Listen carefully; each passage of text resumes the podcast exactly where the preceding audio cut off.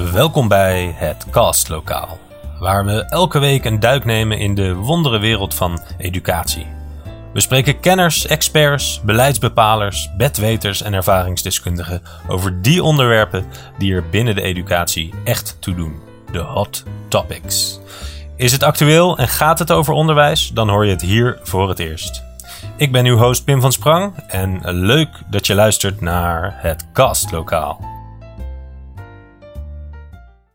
Dag luisteraars en welkom bij weer een nieuwe editie van onze podcast. Welkom op deze regenachtige dag waarop u hopelijk allemaal aan deze podcast zit gekluisterd. Vandaag gaan we het hebben over een vastgeroest onderwerp, namelijk vaste lesmethodes. En zoals u van ons gewend bent, eerst een korte geschiedenis. Zoals u weet wordt er al eeuwenlang gebruik gemaakt van schoolboeken als hulpmiddel om kennis en vaardigheden over te dragen. Veel Nederlandse scholieren hebben leren lezen met het leesplankje aap, noot, mies. En ook bij het rekenonderwijs maken onderwijzers al sinds de 19e eeuw gebruik van leermiddelen en afbeeldingen, zoals breukborden, breukenappeltjes en lesboeken, waarin aan de hand van plaatjes de kunst van het cijferen wordt uitgelegd. De onderwijsmethodes zijn al sinds het begin middelen om het onderwijs aan de leerlingen en lange tijd ook voor de docent te professionaliseren. En dat brengt uiteraard zekere standaardisatie met zich mee. En standaardisatie gaat uiteraard hand in hand met voorspelbaarheid en eentonigheid van lessen. Tot op de dag van vandaag is onderwijsland in handen van de vier grote uitgevers en is de inbreng van onze docenten, onze docenten op die methodes minimaal. Vandaag bij ons in de podcast Tim Paardenkoper en David Baarspul. Heren, welkom. Vaste lesmethodes. Velen een doorn in het oog. Gaat dit ooit veranderen? Ja, ik denk dat dat al aan het veranderen is. Ik denk inderdaad dat het klopt dat je nog steeds uh, de grote uitgevers uh, hebt waar uh, heel veel scholen gebruik van maken. Maar ik denk ook wel dat je ziet dat er andere initiatieven opkomen van kleinere uitgevers. En uh, partijen die onderwijs op een andere manier uh, willen neerzetten. Minder vanuit de vaste methode en meer vanuit een zogenaamde slanke methode. Waarin je dus wel een aantal uh, kerndoelen behandelt, maar, niet, maar ook voldoende ruimte overhoudt voor de docent om invulling te geven aan zijn of haar lesmateriaal en vak. Dus ehm, ja, ik denk dat er langzaamaan wel verandering is. De vraag is hoe snel dit gaat. Nou ja, daarop inhakend, ik denk dat het ook vooral een stukje mindset is wat bij docenten is. Want uh, wat je ziet is dat veel docenten van de huidige uh, generatie zijn opgegroeid met uh, als methodeslaaf, om maar even zo te zeggen. En vanuit de opleiding hebben meegekregen, joh, je gaat met methode werken en dat is leidraad. En wat je nu wel ziet is dat veel jonge docenten buiten de uh, gepaande, gewaande paden willen met hun eigen materiaal. En dat zij zelf ook steeds meer hand in eigen knip willen van joh, ik wil dit, op, ik wil een onderwerp op een bepaalde manier uitleggen. En dat ze niet meer volledig afhankelijk zijn van hoe een methode iets voorschrijft. En, en werken die, die uitgevers, heren, werken die daaraan mee? Wordt daarin ondersteund? Nou ja, kijk, wat je, wat je ziet is dat uh, in bepaalde mate dat, dat uitgevers uh, adverteren en doen met uh, gepersonaliseerd leren. Alleen je moet dan vaak nog wel het hele pakket afnemen. Um, ze noemen het onderwijs op maat, waarbinnen je zelf kan selecteren en aanvinken wat een leerling maakt. Maar je moet wel de volledige stof afkopen in plaats van dat je alleen de dingen afkoopt die jij wil gebruiken voor je les. Uh, dus en ik denk ook wel dat je hebt natuurlijk, uh, naast die uitgevers heb je ook een aantal hele grote distributeurs. Waarbij scholen via distributiekanalen, dus die distributeurs, eigenlijk hun lesmateriaal afnemen. En dat zijn natuurlijk gewoon commerciële partijen die er al heel lang zitten. Dus die hebben ook die hele markt ja, gecommercialiseerd. En dat betekent dat scholen soms wel van een methode af willen. Maar dat is ook niet altijd makkelijk als jij een contract voor vier jaar uh, hebt getekend. Ehm, ik denk dat dat ook wel iets is wat, uh, wat meespeelt. Dat Ja. er echt wel scholen zijn die, eh, die willen veranderen en af willen van allerlei vaste methodes, maar dat dat ja, niet van de een op de andere dag gaat. Ehm, En, en zo'n contract, wat moet ik me daarbij voorstellen? Stel je, je, je sluit er een af voor vijf jaar en je besluit na twee jaar, ik wil misschien een andere weg in. Ja, dat kan. Maar volgens mij heb je eh, bij bepaalde uitgevers dan een, eh, een boeteclausule daarin staan. Ehm, maar het is ook een stukje, ik bedoel, als je echt wilt, dan kan je natuurlijk van je methode af. Maar ik denk dat het voor veel docenten ook wel een stukje gewenning is. Dat ze op een gegeven moment weten van, ik weet hoe dit werkt, ik kan dit goed overbrengen op mijn leerlingen en ik haal er uh, goede resultaten mee. Um, want dat is natuurlijk ook iets wat meespeelt op scholen. Je wilt gewoon wel als school hoge slagingspercentages hebben. En um, ja, vaste methodes kunnen daar ook bij helpen. Dus het is met name de docent die er baat bij heeft dat dit flexibeler wordt. Want, want, je zegt het werkt voor de vier grote uitgevers, het werkt voor veel scholen.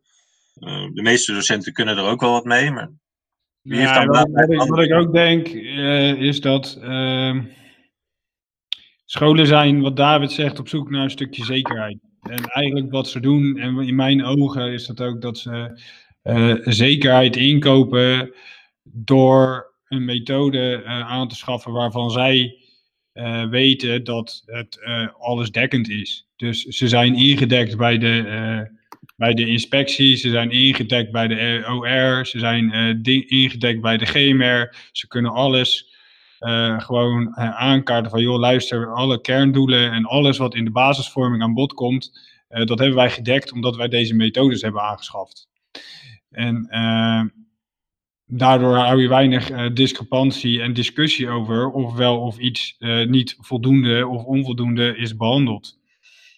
En eh, dat stukje zekerheid, eh, veel scholen eh, durven daar gewoon nog niet van af te stappen. En wat je wel ziet is dat veel eh eigentijdse en nieuwe onderwijsdirecteuren daar wel van af willen. Maar met name oude onderwijsdirecteuren houden heel erg vast aan die methodiek. Van waarvoor ga je iets wegdoen waarvan je weet dat het dekkend is voor, voor je onderwijssysteem. En je verantwoording eigenlijk afsluit bij wat je doet met je leerlingen.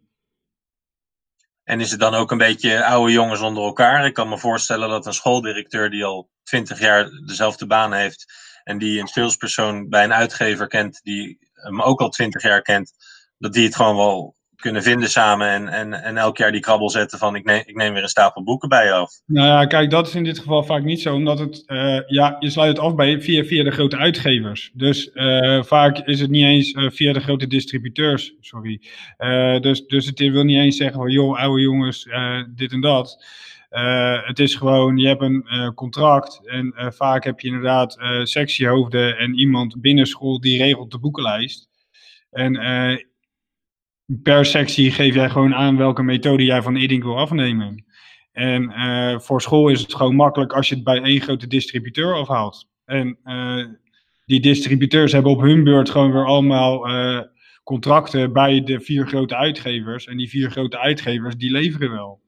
Ehm, tuurlijk zie je wel dat scholen de, de, de kostenbewustwording eh, steeds meer hebben. Dus dat ze ook wel zeggen van, joh, luister, bijvoorbeeld voor het vak Nederlands hebben we een hele dure methode, dus eh, het vak eh, geschiedenis moet eh, goedkoper om de eh, begroting sluitend te krijgen. hè. Alleen, eh, de grote winst zit er natuurlijk in dat, dat, dat ze heel veel kostenbesparing kunnen krijgen op het moment dat scholen weggaan bij een bepaalde methode en ze een slanke methode gaan aanschaffen.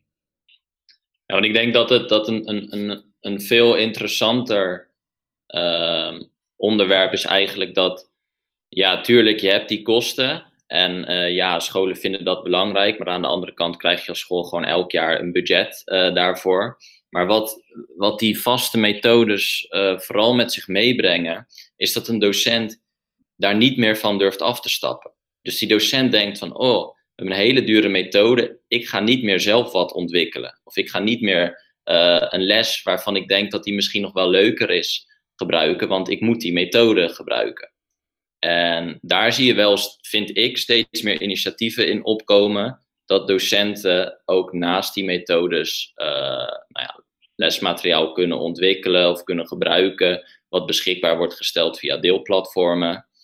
Um, dus ik weet niet hoe jij dat ziet, Tim, maar ik, ik zie, je ziet langzaamaan, zie je wel dat veel scholen er een beetje er in ieder geval over na gaan denken. Nou ja, wat ik, wat ik zei, er ontstaat inderdaad wel wat reuring. Met name bij uh, jonge docenten die nu een aantal jaar in het onderwijs zitten. Ik denk ook dat, dat, dat onderwijs daardoor voor docenten ook aantrekkelijker wordt. Omdat ze meer in staat zijn op het moment dat ze een eigen methode, of in ieder geval voor een deel invulling kunnen geven aan een methode.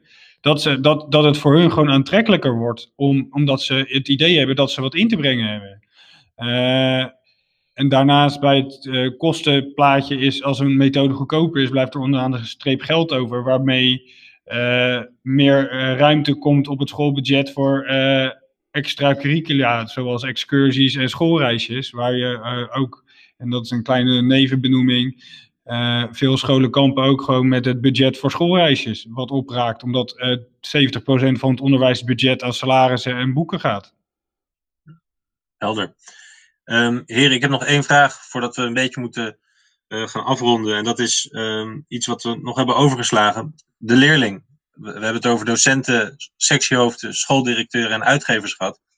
In hoeverre heeft de leerling baat um, bij dit soort vernieuwende, flexibelere methodes? Ik denk heel veel. Ik denk namelijk als je uh, docenten hebt die zelf lesmateriaal ook kunnen ontwikkelen en af durven stappen van een methode, dat je een enthousiastere docent voor de klas hebt, die toch net wat beter weet hoe een, bepaald, bepaalde les of een bepaald onderwerp aansluit bij een bepaalde groep. En dat kan natuurlijk per groep ook verschillen. Dus ik denk dat, uh, dat leerlingen daar juist heel veel aan hebben. En jij, Tim?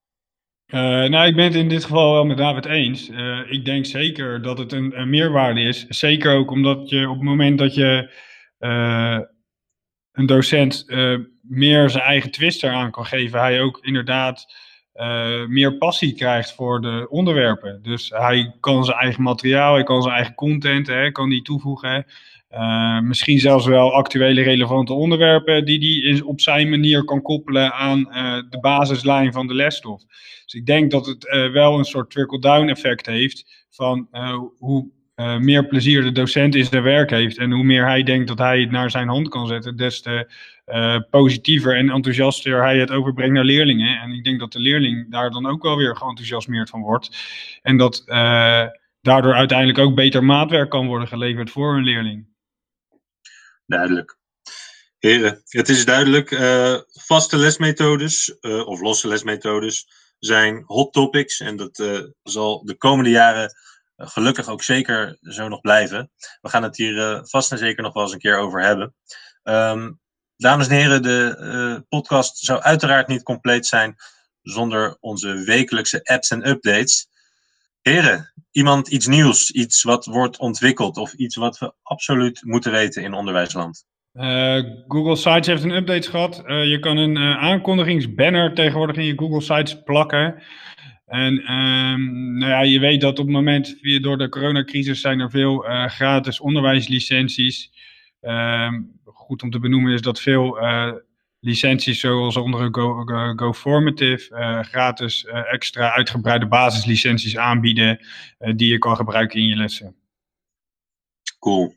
David? Nee, ik heb even niks. nee, dat doet ook niet altijd.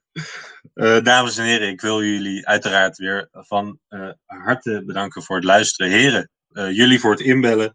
Um, zoals u van ons gewend bent, uh, link naar het terugluisteren voor deze podcast vindt u uiteraard op onze website, als mede uh, de nieuwste apps en updates.